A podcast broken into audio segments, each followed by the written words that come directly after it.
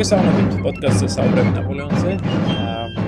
დღეს გვინდა ვისაუბროთ ნაპოლეონის მიერ 1800 ორ სამ წლებში ჩატარებულ ასე ვთქვათ რეფორმებზე, რომელთა ეშობითაც ჩვენ ხედავთ ნაპოლეონის ძალაუფლების კონსოლიდაციას. აი მართლაც შეიძლება ითქვას დიქტატორული ხელისუფლების ჩამოყალიბებას. ნაპოლეონის რეფორმებზე საუბრისას ხშირად ხას უსვამენ მის მიერ ჩატარებულ ადმინისტრაციულ, ფინანსურ, სამართლებრივ რეფორმებს. ქვეყანაში წესრიგის აღდგენა, შვიდობის დამყარებას და ჩვენც ვისაუბრია ამის შესახებ წინა პოდკასტებში. მაგრამ ნაკლებად პოპულარულია ნაპოლეონის საუბარი იმაზე თუ აა რა გააკეთა ნაპოლეონმა, თქვა 1800 ერთ-ორ სამ წლებში მის მიერ წამოწყებულ რეპრესიებზე. საკანონმდებლო ორგანოების და სამხედრო ძალების წმენდვაზე. ამ ხრო გასაკვირია, როდესაც შეხვდები ისეთ შეფასებებიც, როგორიცაა ეს ციტატა. ნაპოლეონმა არ ნახულა დიდი ძალაუფლება იგდო ხელთ, მაგრამ ეს ყველაფერი მოხდა დემოკრატიული კანონიერების გზით, რადგან ერის წარმომადგენლის სტატუსი მოიპოვაო. ნაპოლეონს კი სურდა თავი ეგრეთ წოდებულ ერის წარმომადგენლად წარმოეჩინა, მაგრამ ამაში არაერთი პრობლემა შეექმნა. მოსახლეობის ნაწილი ხომ ჯერ კიდევ როიალისტურად იყო განწყობილი და ბურბონების დაბრუნებას ნატრულობდა. ერთი მომენტი როიალისტები იმედოვნებდნენ კიდევაც რომ ნაპოლეონი იგივეს გააკეთებდა, რაც 1660 წელს გააკეთა ინგლისელმა გენერალმა მონკმა, როდესაც კრომველის გარდაცვალების შემდეგ მონარქია აღადგინა. როიალისტები გახარებულები იყვნენ ნაპოლეონის პირველი ნაბიჯებით, როდესაც მან 1799 წლის 13 ნოემბერს გააუქმა მძევლების შესახებ კანონი, რომლითაც როიალისტების ოჯახებიდან რევოლუციური ხელისუფლება მძევლებს იყვანდა. ასევე მოხარულები იყვნენ ისინი, როდესაც 1800 წლის 2 მარტის 2 მარტს და 20 ოქტომბერს ნაპოლეონმა მიიღო გადაწყვეტილება როიალისტების დიდი ნაწილის მიმართ ამნისტიის გამოცხადების თაობაზე. ამჟამად ნაპოლეონმა შეძლო როიალისტურად განწყობილი ფრანგების დიდი ნაწილის შემორიგება და ამ როიალისტების ამ ნაწილს შემდგომში უწოდებდნენ კიდევაც ღალიე, ანუ ისინი ვინც შეუერთდნენ ნაპოლეონს და ბევრი მათგანი იმსახურებს კიდევაც ნაპოლეონის ხელისუფლებაში. მაგრამ როიალისტთა მეორე ნაწილი მაინც განაგრძობდა წინააღმდეგობას, მით უმეტეს მას შემდეგ, როდესაც აშკარა გახდა, რომ ნაპოლეონი არ აპირებდა გადადგომას. აა, როდესაც პროვანსის თავადმა, როგორც უწოდებდნენ საფრანგეთის მეფე ლუდოვიკო მე-16-ის ძმას, ასე ლუდოვიკოს, ხომ მომავალში მე-18-ეს. აა, მოკლედ, როდესაც აი ლუდოვიკომ, მომავალში ლუდოვიკო მე-18-ემ მისწერა ნაპოლეონის წერილი და მიანიშნა აბა შენიცი იქნება გენერალ მონკის მსგავსად იქის რომ მონარქიის აღდგენაო ნაპოლეონო პირდაპირ განუცხადა მას წერილში ციტატა არც კი იფიქროთ საფრანგეთში დაბრუნებაზე ამისათვის თქვენ 100000 დაღუპული ფრანგის გვამზე გადმობიჯება მოგიწევთო. ამ არც ყოფილ რადიკალ რევოლუციონერებს ეხატებოდათ გულზე ახალი მართლობის დამყარება. მათი აზრით ნაპოლეონის ხელისუფლებაში მოსვლით საფრანგეთის დიქტატურის არჩდილი დააწვა. რამაც ბუნებრივია რესპუბლიკური სულისკვეთებით განსჭოლული იაკობინელების დიდი უკმაყოფილება გამოიწვია. ბევრი მათგანი ასევე უკმაყოფილო იყო სახელმწიფოში სამხედრო ძალების დღითი დღე მზარდი ზეგავლენით, რაც მათი აზრით ძირს უთხრიდა რევოლუციის დროს შექმნილ სამოქალაქო საზოგადოების პრინციპებს. უფრო მეტიც, იაკობინელები უკმაყოფილები იყვნენ ახალი რეჟიმის განსხვავებული იდეოლოგიური მიდგომითაც. მაგალითად, ისინი დიდად ეწინააღმდეგებდნენ ნაპოლეონის გადაწყვეტილებას დაეწყო მოლაპარაკება რომის პაპთან და ხელი მოეწერა კონკორდატისთვის. ჩვენ ამაზე კიდევ ვისაუბრებთ ცალკე. ასევე დიდად უკმაყოფილები იყვნენ ეს რესპუბლიკელები და ეს იაკობინელები ახალი რეჟიმის სოციალური პოლიტიკით, რომელიც აშკარად ბურჟუაზიისათვის იქნებოდა ხელსაყრელი, ვიდრე მოსახლეობის დაბალი ფენებისათვის. ამ უკმაყოფილების ფონზე არ არის გასაკვირი, რომ ნაპოლეონის ძინაამდე არაერთი შეთქმულება მომზადდა. 1800 წლის 4 სექტემბერს ფუშეს საიდუმლო პოლიციამ დააპატემრა 17 როელისტი, რომელსაც ნაპოლეონის მოკლა ჰქონდა განზრახული. 11 ოქტომბერს კი უკვე ყოფილი იაკობინელების ჯერი იყო. პოლიციამ აღმოაჩინა ახალი შეთქმულება, რომლის მონაწილეები აპირებდნენ ხანჯლებით შეარაღებულები, მისულიყვნენ ოპერაში, დაალოდებულნი იყვნენ ნაპოლეონს და შემდეგ დერეფანში, ცოტა არ იყოს ეს კეისრის მსგავსად, მოეკლათ მოეკლათ ეს. შეთქმულების ერთ-ერთი წევრი იყო ჟოზეფ ანტუან აღენა, კორსიკაზე დაბადებული და გაზრდილი რევოლუციონერი, რომლის ძმა ბერთელემი არენა იყო 500 საბჭოს წევრი და ნაპოლეონების ნაპოლეონის ხარდაჭერების თქმით, სწორედ არენა იყო 18 ბრუმერის დროს, რომ ცდილობდა ნაპოლეონისათვის ხანჯლის ჩარტყმასო. ჟოზეფ არენა იმდენად იმედგაცრუებული იყო ნაპოლეონის აღზევებით, რომ ის გადადგა ჟანდარმერიის ბრიგადის უფროსის თანამდებობიდან და ნაპოლეონის ამ ტირანის, ეს ციტატა, როგორც ის მას ახასიათებდა, მოკლა განიზრახა. შეთქმულების წევრებს შორის იყვნენ ჟუზეპე ჩერაკი, ცნობილი იტალიერი ძერწავი, რომელიც რომელიც 1796 წელს შეხვდა ნაპოლეონს და ისეთი აღტაცებული იყო იმ დროს, რომ მისი საკმაოდ სახმელგანთმული ბიუსტი შექმნა თუ თქვენ გინახავთ აი ეს ახალგაზრდა ნაპოლეონი გრძელი თმით, ხო ეს გამხდარი სახის შესახედაობის სწორედ ამ ამ ჩერაკის ბიუსტი არის. ამ შეთქმულების შორის იყო ასევე ცნობილი ფრანგი მხატვარი ფრანსუა ტოპინო ლებრუნი, სხვა შორის ჟაკ ლუი დავიდის მოწაფე და გულმოდგინე რევოლუციონერი იყო და ასე შემდეგ. იმავე წლის, ანუ 1800 წლის 24 ოქტომბერს პოლიციამ ასევე დააკავა 20-ზე მეტი პიროვნება, რომელთაც ჩაფიქრებული ჰქონდათ ეგრეთ წოდებული uf rouge, ანუ წითელი კვერცხებით, როგორც ესენი ხელყუმბარებს უწოდებდნენ. სწორედ ამ ხელყუმბარებით დაებომბათ ნაპოლეონის ეტლი, როდესაც ის მალმეზონისკენ, თავის რეზიდენციისკენ მიდი წავიდოდა. მართალია ხელყუმბარების შემქმნელი ალექსანდრე შევალიე თავიდან გაექცა პოლიციას, მაგრამ ორ კვირაში დაპატიმრებული იქნა, როდესაც ნაპოლეონზე ახალ თავდასხმას ამზადებდა. ნოემბრის შუა რიცხვებში პოლიციამ კიდევ ერთი შეთქმულებას მოუღო ბოლო და ფუშეს მოხსენებას თუ დაუჯერებთ, ეს იყო მეათე მენიშნელოვანი მცდელობა მოეკლათ ნაპოლეონი. მაგრამ ფუშემ არ იცოდა, რომ ყველაზე სერიოზული შეთქმულება ჯერ კიდევ აგრძელებდა თავის საქმიანობას. 24 დეკემბერს, 4 შაბათს, შობის წინა საღამოს, პარიზის ბომონდი ემზადებოდა ოპერაში წასასვლელად.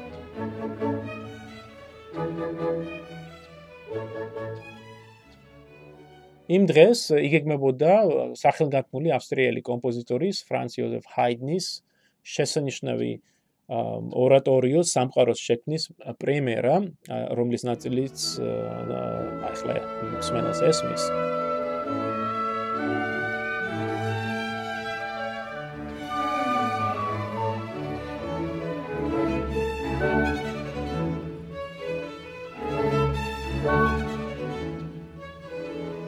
საღამოს 8 საათისთვის ნაპოლეონი უკვე მზად იყო ოპერაში წასასვლელად, სხვა შორის არ უნდა და წასვლა და ჯოზეფინამ, მისმა მეუღლემ დაარწმუნა, რომ წავიდეთ რამე განსხვავებული გავაკეთოთო. მოკლედ 8 საათისთვის ნაპოლეონი უკვე მზად არის წასასვლელად, მაგრამ ჯოზეფინა იგვიანებდა ჩაცმას და მომზადებას და ამიტომ გადაწყდა, რომ ერთი ეტლით მზავრობის ნაცვლად ცოლქმარი ცალცალკე ეტლებით იმგზავრებდნენ. ა ნაპოლეონი, რომელსაც თან გენერალი ჟან ლანი და კიდევ რამდენიმე ოფიცერი გაყვა, ჩაჯდა პირველ ეტლში და თუ როგორც თანამედ ხილველები აცხადებენ, იმ წამსვე ჩასძინებია მას, ისე დაღლილი იყო. ხოლო ჯოზეფინა თავის ქალიშვილთან, ორტანზია დე ბოარნესთან და ნაპოლეონის დასთან, კაროლინა ბონაპარტესთან, რომელიც ამ დროს ფეხბურთი მე იყო. მოკლედ ამ ორტანზიასთან და კაროლინასთან ერთად მის უკან მიმოვალ ეთში ჩასხნენ. სხვა შორის კალბატონებს თან გაყვა ნაპოლეონის ადიუტანტი ჟან რაბი. ოპერაში რომ არ დაეგვიანებინათ, ჩაჟდომის წინ ნაპოლეონმა უთხრა თავის მეტლეს ცეზარს, მეტლე ყავდა სახელად ცეზარი. მოკლედ უთხრა თავის მეტლეს ცეზარს, ჩოლზე უფრო სწრაფად წასულიყო. იმ ცივ დეკემბრის ღამეს ცეზარს ეთყობა გასათფობად 1-2 ჭიქა გადაუკრავს, ასე რომ ნაპოლეონის ბრძანება უფრო გულმოდგინედ შეასრულა ამ შეზარხოშებულმა ცეზარმა, ვიდრე ამას თვით კონსული მოილოდა და კიულერის სასახლიდან ნაპოლეონის ეტლი, რომელსაც წინ საკონსულო გვარდიის ესკადრონი მიუძღოდა, ჩოლზე ბევრად უფრო სწრაფად გამოვარდა. გადალახა სასახლის წინ არსებული პლას დე ლა კარუსელ, კარუსელის ხომ მოედანი მოუხვია მარცხნივ და გაუყვა სენიკაზის ქუჩას, რათა გადაეკვეთა შემდეგ სენ-ონორეს ქუჩა და ოპერასკენ წასულიყო. ა სენიკაზის და სენ-ონორეს ქუჩების კუთხეში ეტლი წესისამებრ უნდა ცოტა შეჩერებულიყო, მაგრამ ეთყობა ამ ცოტა შეზარხოშებულმა ცეზარმა ცხენები ისე გააჭენა, რომ ეტლი არც შენელებულად და ისე ჩაუქროლა საფეს, რომ არც მას და ალბათ არც არავის სხვა შეუმჩნევია იქვე მდგომი ოთხვალა საზიდავი, რომელშიც დიდი კასრი იყო. ნაპოლეონის ეტლის გასვლა და ამ კასრის აფეთქება ერთი იყო. ჯოჯოხეთური მანქანა, როგორც მას თანამედროვეები აღწერდნენ, იმდენად ძლიერი გამოდგა, რომ აფეთქებამ სერიოზულად დააზიანა იქვე მდგომი შენობები. თუ ჩავწვით დალეწილ შუშებს და სხვა მსუბუქ დაზიანებას, ჩლენებაში 46 შენობა იყო დაზიანებული.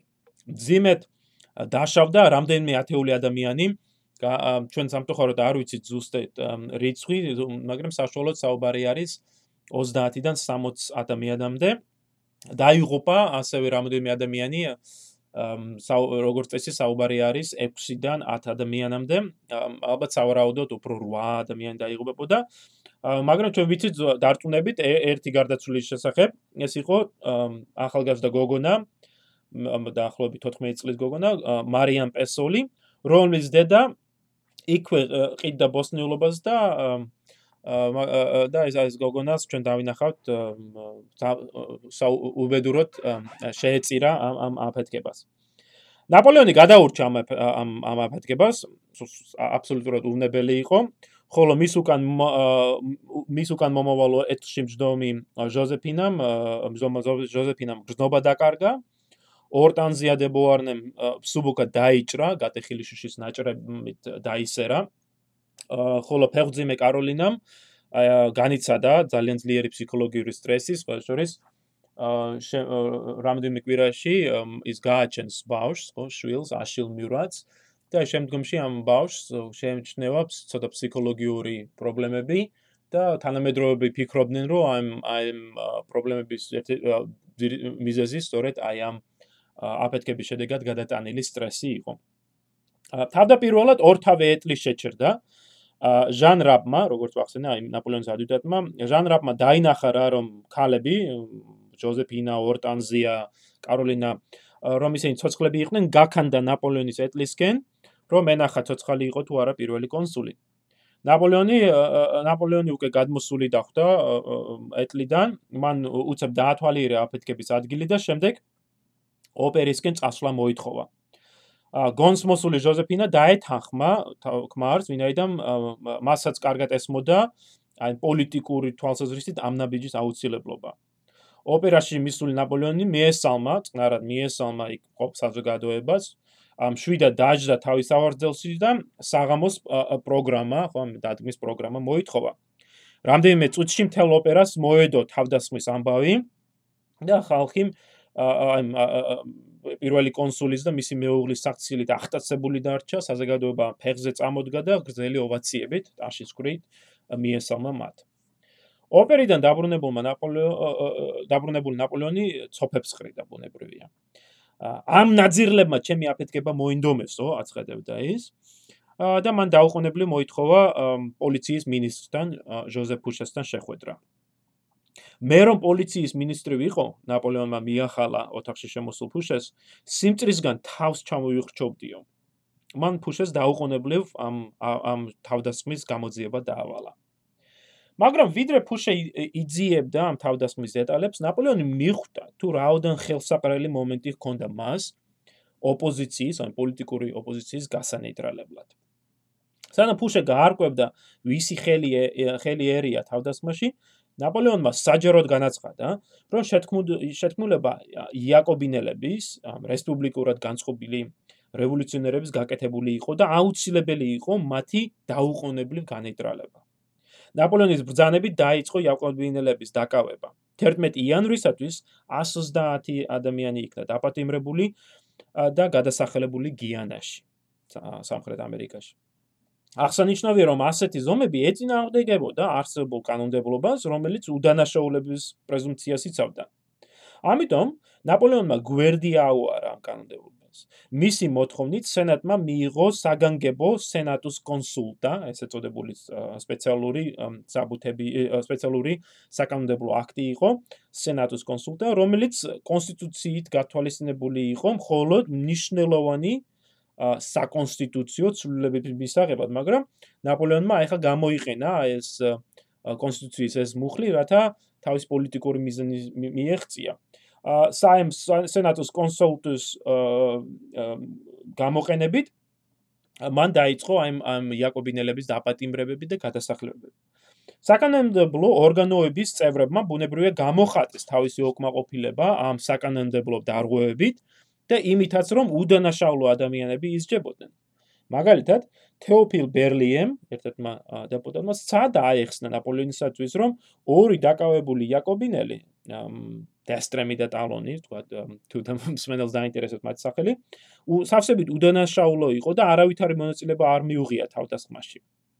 ნაპოლეონმა პირდაპირ განუცხადა მას, რომ ეს იაკობინელები დაპატიმრებულები იყვნენ არა იმიტომ, რომ მათ მონაწილეობა მიიღეს ჯოჯოხეთური მანქანის შეთქმულებაში, არამედ ეს ციტატა არის რევოლუციურ დროს მათი ქმედებების გამო. იანვის შუა რიცხვებში ფუშამ დაასრულა თავისი გამოძიება.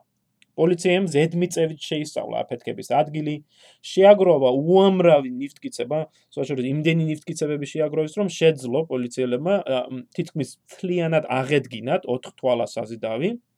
და სწორედ შეაგროვეს ასევე ცხენის ნაწილები და ცხენის რეკონსტრუქცია მოაწყვეს. და აი სწორედ ეს ეს გამოძიება ამით არის აღსანიშნავი, რომ ძალიან ეს თანამედროვე მიდგომა ჰქონდათ, ხომ, რომ მათ აღადგინეს თვითონ ეტლიც ხომ ეს აზდავიც და ეს ეს ცხენის ნაწილებიც და ამ თქვაშორის ამ ცხენის ნაწილებით მათ შეძლეს დადგენა თუ ვისი ცხენი იყო მიადგნენ პატრონს და დააკითხეს პატრონი და პატრონმა განაცხადა რომ ცხენი მისგან დაიქირავა რომელიღაცა ვაჭარმა.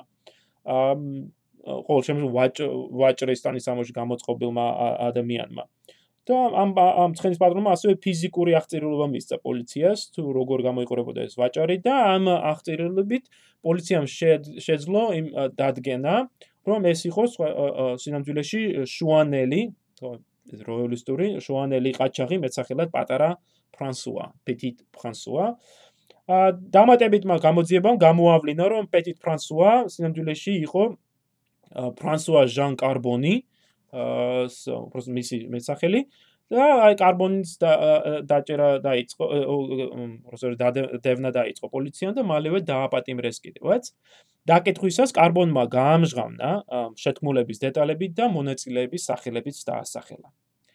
აღმოჩნდა რომ შეთქმულების სათავეში იდგა შუანთა ანუ როელისტა ლიდერი ჟორჟ კადუდალი რომელმაც ბრიტანული ფინანსური დახმარებით შეძლო პარიზში ორი თავისი აგენტის პიერ რობინო დე სენ რეჟენის რომელიც ყოფილი ფრანგის საზღვაო ოფიცერი იყო და შემდეგ ვანდიაში იბრძოდა და ჟოზეფ პიერ პიკო დე ლიმოლანის საფრანგეთში საიდუმლო ჩაყვანა. სენ რეჟენმა და ლიმოლანმა დაიქირავეს ოთხთვალა ცხენიც შეიძინეს კასრი შეიძინეს ასევე ტყვია წამალი, თუმცა როგორც სენ რეჟიმმა შემდგომში აღიარა დაკითხვის დროს, მათ ვერ შეძლეს მაღალი ხარისხის ტყვია წამლის შეძენა, რის გამოც მისი თქმით აფეთქება რამდენიმე წამით უფრო გვიან მოხდა. ანუ აი თქვა ნაპოლეონის გადარჩენაში დიდი როლი იყო იქონია როგორც მისი მეეტლეს ცეზარის სიმთვრალემ, ასევე აი ტყვია წამლის დაბალმა ხარისხმა.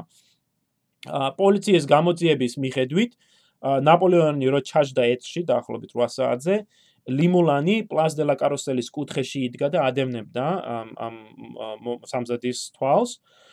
როგორც კი მან დაინახა რომ ნაპოლეონი ეთში ჩაჯდა და უკვე დაიწყო ეტმა გამოსვლა მან ნიშანი მისცა სენგიკაზის კუთხის კუთხეში მყოფ სენ რეჟენს რათა ცეცხლი წაეკიდა პატრუკისათვის ხომ ამ კასრის კაცში მოთესებულ პატრიკისათვის. სენრეჟენმა ქუჩაში მდგომი, იქვე მდგომი გოგონა, აი მე რო ვთქვი მარიან პაზოლი, მოიხმო. შესთავაზე მას რამდენი მონეტა, რათა ცხენის რა ქვია, ცხენისთვის მოეკიდა ხელი, რომ ცხენი არ განძრეულიყო. და რა ქვია, სადავე დაიჭირეო, ხომ, რომ მაღაზიაში მივდივარ საქმეზეო და ერთი წამი დამიჭირეო სადავეო და გოგონაც დათანხმდა და წასვლის წინ სენრენჟენმა წაუკიდა პატროქს ცეცხლი და ადგილს გაეცალა, მაგრამ ეთყობა ვერც მან გათვალა აფეთქების სიძლიერე, ვინაიდან აფეთქების შედეგად ისიც დაიჭრა. შეთფულების და ნამდვილი წევრების ვინაობის დადგენის შემდეგ ნაპოლეონმა როელისტების დაპატიმრება მოითხოვა. მართლაც მომდენო რამდენიმე კვირის განმავლობაში შეთქმულების თითქმის ყველა წევრი დაპატიმრებული იქნა. 9 მათგანი სიკვდილი დაისაჯა 1800 წლის 30-31 იანვარს. ხოლო დანარჩენები გადაასახლეს ან საფრანგეთიდან გააწევეს. შეთმულების სულის ჩამდგმელი ჟორჟ კადუდალი ფუშეს ხელიდან კი გაუსყდა და ბრიტანეთში გაიქცა. ჯოჯოხეთური მანქანის შეთქმულება მეტად მნიშვნელოვანი მომენტია ნაპოლეონის მიერ ძალაუფლების კონსოლიდაციის პროცესში. 1799 წლის ნოემბრიდან მოყოლებული ნაპოლეონმა არაერთხელ სცადა საზოგადოებრივი წესრიგი დაცვის მოტივით უშიშროების სისტემის გაფართოება და გაძლიერება. მაგრამ ეს მცდელობები თავდაპირველად წარუმატებელი აღმოჩნდა, ვინაიდან მათ შეწინააღმდეგა საკანონმდებლო შეწინააღმდეგნენ საკანონმდებლო ორგანოები, სადაც რესპუბლიკელი დეპუტატები, მაგალითად პიერ დანუ, მარი ჟოზეფ შენიე, ბენჯამინ კონსტანი და სხვები აცხადებდნენ, რომ ასეთი ზომები მხოლოდ და მხოლოდ ბოლოს მოუღებენ სამოქალაქო საზოგადოებას. და შექმნიდნენ ხო ამ დიქტატურის საშიშროებას. ჯოჯოხეთურმა მანქანამ ნაპოლეონის მისცა საბაბი, რათა ეს რესპუბლიკური წინააღმდეგობა გადაელახა. როგორც ნახეთ, რესპუბლიკელთა ერთი ნაწილი დაპატიმრებული ან გადასახლებული იქნა. დაერჩენილ ნაწილს კი გაუძნელდა წინააღმდეგო გაეწიათ ხელისუფლებისათვის, რომელიც ამტკიცებდა: აგერ ბატონო, მოხდა თავდასხმა სახელმწიფოს მეთაურზე და საჭირო არის უშიშროების ზომების გამკაცრება, რათა მომავალი თავდასხმები ავიცილოთო. სწორედ ამ ჯოჯოხეთური მანქანის შემთხვევის გამოყენებით ნაპოლეონმა შეძლო თავისი მემარცხენე და მემარჯვენე მოწინააღმდეგების განეტრალება. და რაც თავარია, საგანგებო ტრიბუნალების უფლებამოსილების გაზრდა ისე, რომ ისინი სამოქალაქო საქმეების განხილვებასაც შეუდგნენ. 1800 წლის კონსტიტუციის მეოთხე თავის 39 მუხლის მიხედვით სამივე კონსულის უფლებამოსილება უფლებამოსილების ვადა განსაზღვრული იყო 10 წლით. ამის შემდეგ კონსული ან კლავ იყრიდა კენჭს და საკანონმდებლო ორგანოები მას დაუჭერდნენ ხარს და დარჩებოდა ამის შედეგად თანამდებობაზე, ან ის დატოვებდა თავის თანამდებობას და გახდებოდა სენატორი. ამრიგად ნაპოლეონი თეორიაში, ამ თქვა კონსტიტუციას რომ იყო, თავისუფლად შეიძლება შეიძლება დარჩენილიყო ხელისუფლების სათავეში 1810 წლამდე. შემდეგ კლავ ეყარა კენჭი და თუ ხარ დაუჭერნა მას დაუჭერდნენ ხარს ხარს საკონდელო ორგანოებში, კიდევ ერთი 10 წლიანი ვადი დარჩენილიყო ხელისუფლებაში. მაგრამ ამ აი ამ 1800 1801 წლის შეთქმულებების ფონზე რომ არაფერი ვთქვა რესპუბლიკელი დეპუტატების მიერ ხოწინაამდეგობის გაწევაზე და კრიტიკაზე ნაპოლეონმა გადაწყვიტა კულისებს მიიღმა წამოეწყო მცდელობა საკანონმდებლო უბრალოდ წამოეწყო მცდელობა რათა კონსტიტუციის ეს მუხლის შეცვლილიყო და კონსულობა უვადო გამხდარიყო. კეისრის მიერ იულიუს კეისრის ხო? იულიუს კეისრის მიერ რომის მეფის დიადემაზე ორჯერ უარის თქმის არ იყოს ნაპოლეონმა ხალხს თავი ისე მოაჩვენა თითქოს კონსტიტუციური ცვლილებები მისი იდეა კი არ იყო არამედ თვით ხალხის სურვილი. სენატში ერთ-ერთი გამოსვლის დროს ნაპოლეონმა აღნიშნა ეს ციტატა თუ თქვენ ანუ სენატორები თუ თქვენ ასე განსჯით და მე მზად ვარ გავიღო ეს მსხვერპლი და ხალხს ცხოვრების ბოლომდე ვემსახურო როგორი გასაოცარი არ უნდა იყო არ უნდა მოგვეჩვენოს ეს მაგრამ 1800 პირველი წლის მიწურულს და 1802 წლის გაზაფხულზე სენატმა განიხილა კონსტიტუციური ცვლილებების შესაძლებლობა. მიუხედავად იმისა რომ ეს ცვლილებები სავსებით ეწინააღმდეგებოდნენ რევოლუციის ისეთ ფუნდამენტურ პრინციპებს როგორიც იყო სახალხო სუვერენიტეტის სუვერენიტეტი და ხელისუფლების არჩევითობა ამის სანაცვლოდ სენატი ჯერ გამოვიდა წინადადებით ავტომატურად მიეცოთ ნაპოლეონისათვის მეორე აწლიანი ვადა. ხოლო შემდეგ სენატმა გადაწყვიტა დაეწყო კონსტიტუციის შეცვლის პროცესი, რაც პირველი კონსული გამხდარიყო მუდმივი კონსული. კარგია რა? აა ბუნებრივი ასეთი წარმოწება საგრძნო წინააღმდეგობას წააწყდა, განსაკუთრებით ტრიბუნატში. ამ ქვედა ხო საკანონმდებლო ორგანოში, სადაც ყველაზე რესპუბლიკურად განწყობილი დეპუტატები მსახურობდნენ. ამ წინააღმდეგობის დასაძლევად ნაპოლეონმა გამოიყენა კონსტიტუციის 27 მუხლი, რომელიც განსაზღვრავდა ტრიბუნატის წევრობას. ამ მუხლის მიხედვით ტრიბუნატში უნდა ყოფილიყო 100 წევრი, რომელთაგან მეხუთედი უნდა განახლებულიყო ყოველ წელს. სწორედ ამ მუხლის გამოყენებით ნაპოლეონმა 1802 წლის გაზაფხულზე ფაქტობრივად ჩაატარა ტრიბუნატის წმენდვა. იმის ნაცვლად რომ შესაძლებელი წევრები არჩეული ყოფილიყვნენ ბრმად, ანუ ლატარეის მეშვეობით, ნაპოლეონმა ჩააწყო პროცესი, ჩამოწერა იმ დიპუტატების სია, რომლებიც მას პრობლემას უქმნიდნენ და შემდეგ ისინი ახლებით შეცვალა. დეპუტატებს გაძევებულ დეპუტატებს შორის იყვნენ ისეთი ცნობილი რესპუბლიკელები, როგორიც იყო დანუ, კონსტანი, განილი, ტიეზო, ტიბო, შენიე, ყაზალი, ბარა და სხვები, რომლებიც ტრიბუნატში ცალკე ფრაქციას, ეგრეთ წოდებულ განმანათლებლობის კომიტეტს წარმოადგენდნენ და ყველაზე მეტად აკრიტიკებდნენ ნაპოლეონს. უფრო ზომიერი deputatები, მაგალითად ცნობილი ეკონომისტი ჟან-ბატის სეი, აიძულეს ნებაყოფლობით წასულიყო ტრიბუნატიდან 1803 წლის მიწურულს. შემდგომში უკვე ამავე დროს ნაპოლეონმა მსგავსი წმენდვა ჩაატარა საკანონმდებლო корпуსში, შხოებს საშუალო საკანონმდებლო ორგანოში. ახალმა საკანონმდებლო ორგანოებმა შემდეგ ხარი დაუჭირეს სენატის მიერ წამოწყებულ კონსტიტუციო ცვლილებებს. იმისათვის რომ აი ცვლილებები წარმოეჩინა როგორც ხალხის ერის ნებად, 1802 წელსვე ჩატარდა რეფერენდუმი, რომლის დროსაც ფრანგ ამორჩეველს დაუშვეს ერთი მეტად მარტივი შეკითხვა. და ეს ციტატა არის თვითონ ამ შეკითხვის. ქსურთ თუ არა რომ ნაპოლეონ ბონაპარტი იყოს კონსულის სიცოცხლის ბოლომდე? შეგეძლო გეპასუხა ან კი, ან არა. იმის გათვალისწინებით რომ ნაპოლეონის წამოწყებულმა რეფორმებამ მართლაც გამოიღეს შედეგი და რომ ქვეყანაში აშკარად შეიმჩნევოდა წესრიგი პოლიტიკური სტაბილობა, გარკვეული ეკონომიკური აღმასვლა. არ უნდა გაკვირდეს რომ ბევრი ფრანგი მოქალაქისათვის პასუხი ამ კითხვაზე იქნებოდა დადებითი. მაგრამ ისიც არ უნდა დაგვავიწყდეს რომ რეფერენდუმზე ხომ ხმის მიცემა იყო საჯარო, ანუ ყველა დაინახავდა თუ თუ რა პასუხს გასცემთ შენ ამ კითხვაზე. და ისიც არ უნდა დავიწყოთ რომ ხელისუფლება მაინც მიიღო ზომები რათა უზრუნველო ხო ეს დადებითი პასუხი. როგორც პირველი რეფერენდუმის შემთხვევაში ჩვენ უკვე ვისაუბრეთ ამას ხო 1800 წლის გაზაფხულზე. აი როგორც მაშინ ამ პლებისციტის შედეგებით შესაბამისად დამუშავებული იქნა და ოფიციალური შედეგების მიხედვით თითქმის 9 მილიონი ამორჩევლისგან 3 მილიონ 600 მხარი დაუჭირა კონსტიტუციურ ცვლილებებს, ხოლო 8272 გამოვიდა წინააღმდეგ. კლავ, მინდა გავიმეორო რიცხვები 3 მილიონი 600000 მხარდაჭერი, 8272, ანუ 8300 კაცი წინააღმდეგ. მაგრამ აი შევხედოთ ამ რიცხვებს. თლიანობაში 9 მილიონ ადამიანს შეიძლება მიეცა ხმა და სინამდვილეში მარტო 3 მილიონ 700000 600000 3 მილიონ 600000 რაღაც ხომ? მა მისცა ხმა. ანუ ამორჩეულის ნახევარზე ნაკლებს ნაკლებმა. ადარჩენმა 5.5 მილიონმა რა გააკეთა? ჩემი აზრით, აი სწორედ აი იმით რომ არ გამო არ წავიდა თქვათ ხმის მისაცემად მან გამოხატა, ხო? ეს თავისი უკმაყოფილება, ან უკმაყოფილება, თქვათ, ამ ამ პროცესის მიმართ.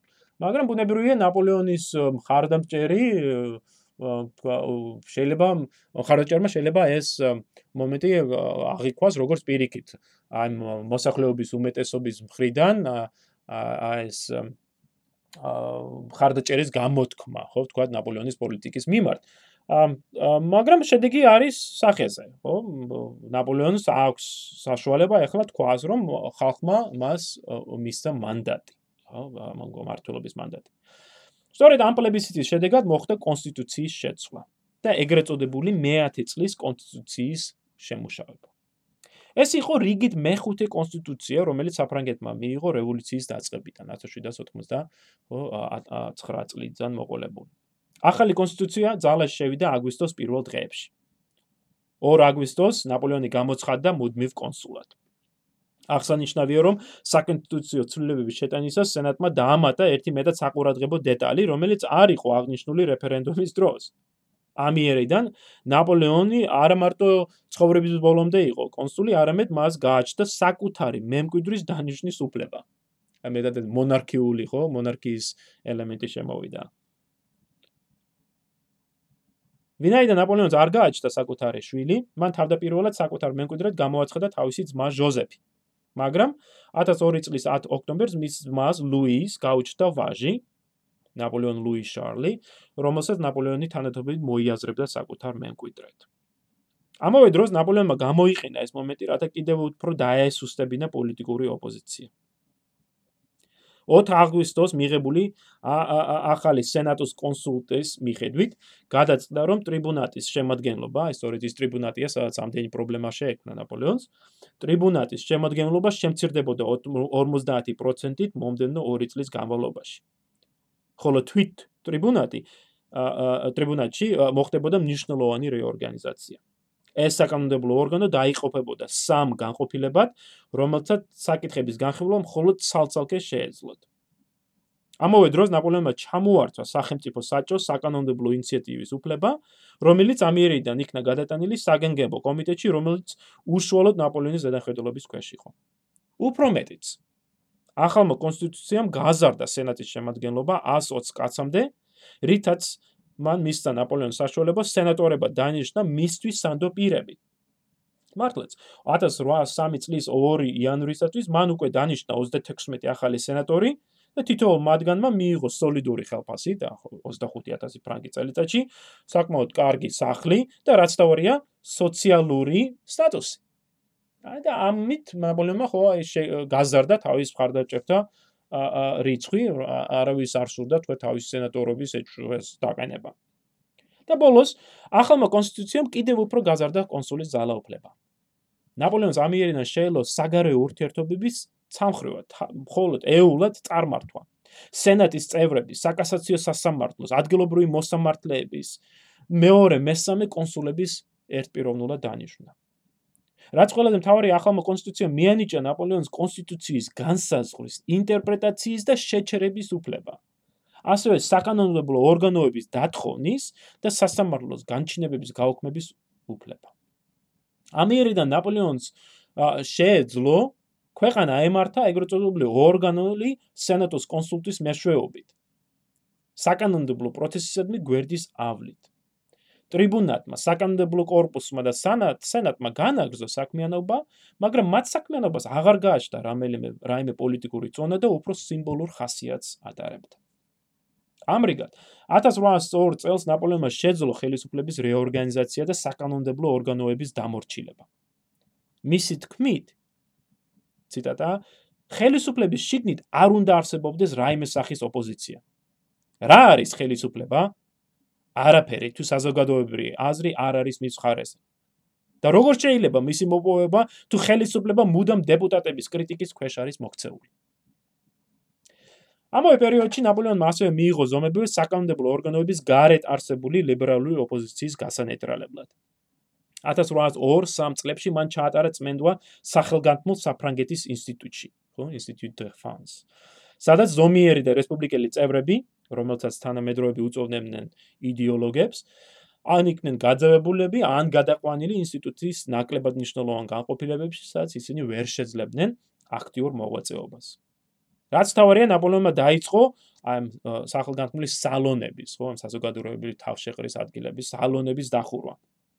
ამ ხრი ყველაზე მნიშვნელოვანი იყო ფრანგი რომანისტი და ესეისტი ანა ლუიზა ჟერმენ ნეკერის, ბარონესა დესტალის სალონი. მადამ დე სტალი, როგორც ეს ქალბატონი იყო ცნობილი, 1766 წელს იყო დაბადებული, იყო მეფე ლუდოვიკო მე-16-ის ფინანსთა მინისტრის, ნეკერის, ხო, ჟაკ ნეკერის ქალიშვილი. 1802 წლისათვის მადამ დე სტალის სალონი პარიზული ცხოვრების ეპიცენტრს წარმოადგენდა. სწორედ აქ იყრიდა თავს ყველა გავლენიანი ხო სპირი, ო, ყოველ შემთხვევაში რესპუბლიკური სულისკვეთების განსწავლული პირი. მართლაც დესტალის სალონი იყო რესპუბლიკური სულისკვეთების უმნიშვნელოვანესი ცენტრი საფრანგეთში. როგორც ნაპოლეონი აღნიშნავდა, დესტალის სალონი არის ჩემს წინამდებ მიმართული მძლავრი არსენალი. ხალხი იქ მიდის, რათა გახდეს ჩემს წინამდებ მებრძოლი მეომარიო. 1802 წელს ამიტომ ნაპოლეონმა გააძევა დესტალი პარიზიდან, დახურა სალონი ხოლო რომ დესტალმა როდესაც დესტალმა გაანაგრძო თავისი კრიტიკა 1803 წელს ის საერთოდ საფრანგეთთან იქნა გაძევებული.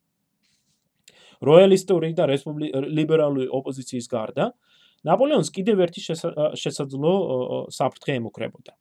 ჯარი. ნაპოლეონზე საუბრისას ხშირად გაიგონებთ, რომ ჯარი მისი ერთგული იყო. რომ ჯარისკაცები მას მას აღმერთებდნენ და ასე შემდეგ. რეალობა ბევრად უფრო რთული და ჩახლართულია. ფრანგული ჯარის ნაწილს ნაპოლეონი მართლაც მოსწონდა და მხარს უჭერდა. მაგრამ დიდ ნაწილს ნამდვილად არ ეპრიანებოდა ის. ამ ხრივ არ იქნება გადაჭერბება თუ ვიტყვით რომ ამ დროინდელი ფრანგული ჯარი გარგვეულ წილად წააგავს აი გვიანდელ რომაულ ჯარს, ხო, გვიანდელ რომაული იმპერიის ჯარს, როდესაც აი სხვადასხვა მხარეში განლაგებულ ლეგიონებს თავიანთი მხედართავები ყავთ, ხო, მათ და დიდი ლოიალობას იჩენენ და აი თქვა რომისადმი მსახურების ნაცვლად, ხო, უფრო აი თავის გენერლებისადმი, თავის მხედართავებისადმი აა მინდობილობა ამჟღავნებენ. აა ფრანგულ ჯარშიც ასეთ სულისკვეთება ასუფევს ამ დროისათვის. მაგალითად, დიდი განსხვავება არის რაინის პირეთში და იტალიაში განლაგებულ ჯარებს შორის. შეიძლება ითქვას, რომ ამ ორ ჯარს შორის მეტოქეობის სულისკვეთება სუფევს.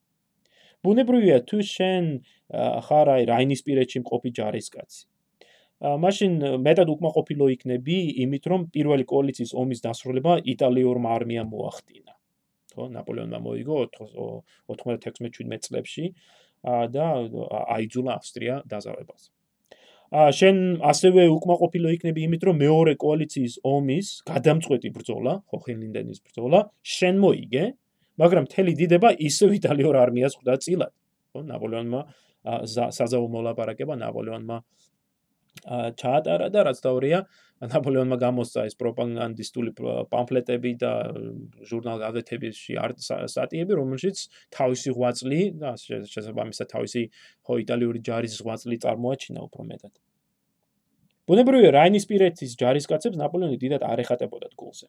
ნაპოლეონის ნაპოლეონს ხომ არასოდეს უმსახურია რაინის პირეთში, არც იცნობდა აქაურ ქვედანაყოფებს და რაც დაურია აქაური გენერლებთან დაძაბული ურთიერთობა ჰქონდა. განსაკუთრებით რაინის პირეთის არმიის მხედართავთან გენერალ ჟან მოროსთან.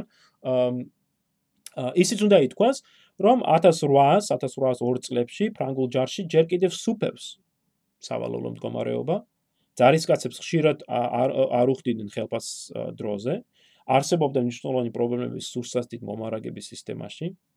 ომის დასრულების შემდეგ კი პარიზი გაივსო ათობით გენერლით რომლებიც ამშვიდობიან დროში მართლაც უსაკმოთ იყო და იყვნენ დარჩენილები და ღიად აკრიტიკებდნენ ნაპოლეონს. სწორედ ეს ოფიცრები აყენებდნენ ეჯს ქვეშ ნაპოლეონის სამხედრო ნიჭს, ხოლო მის გამარჯვებებს შემთხვევითობას აბრალებდნენ. ნაპოლეონმა კარგად იცოდა ამის შესახებ და ერთხელ აღნიშნა კიდევაც ციტატა: ამ გენერლებს შორის არ მოიძებნება ერთიც კი, რომელსაც არ სწამს, რომ ჩემზე უფრო ნიჭიერია და ჩემზე უფრო მეტად იმსახურებს დიდებას და ძალაუფლებას. მართალია ამ ამ ოფიცერთა უმეტესობა საჯაროდ რესპუბლიკურ სულისკვეთებას ამჟღავნებდა მაგრამ თანამედროვეების აზრით საქმე საქმეზე რომ მისულიყო ბევრი მათგანი არ იტყოდა უარს სამხედრო გადატრიალების მოწყობაზე და ხელისუფლების ხელში ჩაგდებაზე ჯარში ნაპოლეონის წინააღმდეგ არსებულ განწყობაზე რამდენიმე შემთხვევა მეტყველებს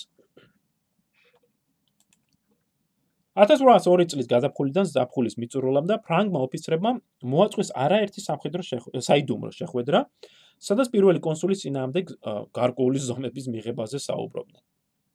ფუშეს პოლიციამ მალევე შეიტყო ამ შეხვედრების შესახებ. 7 მაისს მაგალითად დაპატიმრებული იყო რამდენიმე ოფიცერი, მათგან ერთი იყო გენერალი დონადიო, რომელიც კონსულის წინააღმდეგ შეთქმულებას ამზადებდა. 20 მაისს გენერალმა სიმონმა, რომელიც გენერალ ჟან-ბატის ბერნადოტის დასავლეთის არმიის მხედართავის შტაბის უფროსი იყო. სწორედ ამ სიმონმა 20 მაისს დაიწყო საიდუმლო პროკლამაციების გავრცელება ჯარში, რომელშიც ნაპოლეონს გმობდა და მისი გადაყენების აუცილებლობაზე საუბრობდა. მართალია სიმონი არ მიუთითებდა ვინ შეცვლიდა ნაპოლეონს ხელისუფლების სათავეში, მაგრამ დღეს ჩვენს ხელთ არსებული საბუთებით ადვილად მისახვედრია, რომ ამ საქმეში ბერნადოტის ხელი ერია. ფუშემ დაუყოვნებლივ შეიტყო ამ პროკლამაციების შესახებ, მალევე გაარკვია მათ დამწერის ვინაობა და დააპატიმრა გენერალი სიმონი და სხვა ოფიცრები. ნაპოლეონს არ სურდა ამ ოფიცრების სასამართლოს გასაჯაროება, ამიტომ ისინი სასამართლოს გარეშე საპატიმროში საპატიმროში იყვნენ გადაყვანილი, ხოლო ის ქვედანაყოფები, სადაც ეს ოფიცრები მსახურობდნენ და სადაც ეს პროკლამაციები გავრცელდა, დაუყოვნებლივ იქნენ გაგზავნილები სან-დომინგოში, დღევანდელ ჰაიტიში, აი იქ მძვინვარი აჯანყების ჩასახშობად. და ჩვენ ვიცით რომ მომდენო 1 წლის განმავლობაში ამ ქვედანაყოფების ჯარისკაცების უმეტესობა დაიღუპება კიდევაც ამ ჰაიტიში ან ან ავადმყოფობისგან, ხო, ყვითელი ჭირისგან ან ან ბრძოლაში და ნაპოლეონის შემდეგ ოფიცერთა корпуსის ზედა ფენას დაერია. გენერალი ბრუნი გაგზავნილი იქნა დიპლომატიური მისიით კონსტანტინოპოლში. გენერალი ლანი რომელიც შემდგომში კი იქნება ნაპოლეონის უახლოესი ხო პირი და მეგობარი და ამ შემდეგ, მაგრამ ამ ამ პერიოდში არაერთხელ გამოთქვამდა კრიტიკულ შენიშვნა ნაპოლეონის მიმართ, ამ სწორედ ლანი გაგზავნილი იქნა პორტუგალიაში. გენერლები ღიზეპანს რიშეპანსი და დეკანი გაგზავნილი იქნენ კოლონიებში ინდოეთის ოკეანეში. გენერალ ლაჰორი იძულებით წავიდა პენსიაზე. გენერალ ლეკურბი გადაიყვანეს სტადარიქში და ასე შემდეგ და ასე შემდეგ. ამ ხრივ აღსანიშნავია ბერნადოტი, ხო, გენერალი ბერნადოტი, რომელიც გადაყენებული იქნა თავის თანამდებობიდან, მაგრამ ნაპოლეონმა საბოლოოდ არ მოიშორა ის. მის გადაწყვეტილებაში დიდი როლი ითამაშა იმ გარებავებამ, რომ ბერნადოტის ცოლი იყო დეზიღე კლარი, ნაპოლეონის პირველი სიყვარული, რომლის ხათრითაც ნაპოლეონმა დატოვა ბერნადოტი საფრანგეთში. ამრიგად, აი 1801 1802 წლებში ნაპოლეონმა შეძლო არა მარტო ლიბერალური ოპოზიციის ჩახშობა, არა მარტო საკანონმდებლო ორგანოების რეორგანიზაცია და მათი დამორჩილება, არამედ თვით ჯარის გაწმენდვაც ისეთი ელემენტებისგან, ხო, ოფიცრებისგან თუ ქვედანაყოფებისგან, რომელიც მას საფრთხეს შეუქმნიდნენ. და 1803 წლის გაზაფხულისათვის უკვე აშკარად იკვეთება, რომ ნაპოლეონი ერთპიროვნულად არის ძალაუფლებაში, ხელისუფლებაში, რომ არ არსებობს რაიმე სახელმწიფო ორგანო თუ ადამიანთა ჯგუფი, რომელიც რომელსაც შეიძლება მისი ხელი მისი ძალაუფლების შეკვეცა. და სწორედ ეს მნიშვნელოვანი მომენტი არის, სწორედ აი იმპერიისადმი გადადგმული ხო მიმოვალ გზაზე ვიცით რომ 1804 წლის მაისისათვის უკვე იქნება მიღებული გადაწყვეტილება რომ ნაპოლეონი გამოცხადდეს იმპერატორად. მაგრამ ეს უკვე ჩვენი შემდეგი პოდკასტის განსახილველი საკითხი იქნება. ეხლა დაგემშვიდობებით და certificates.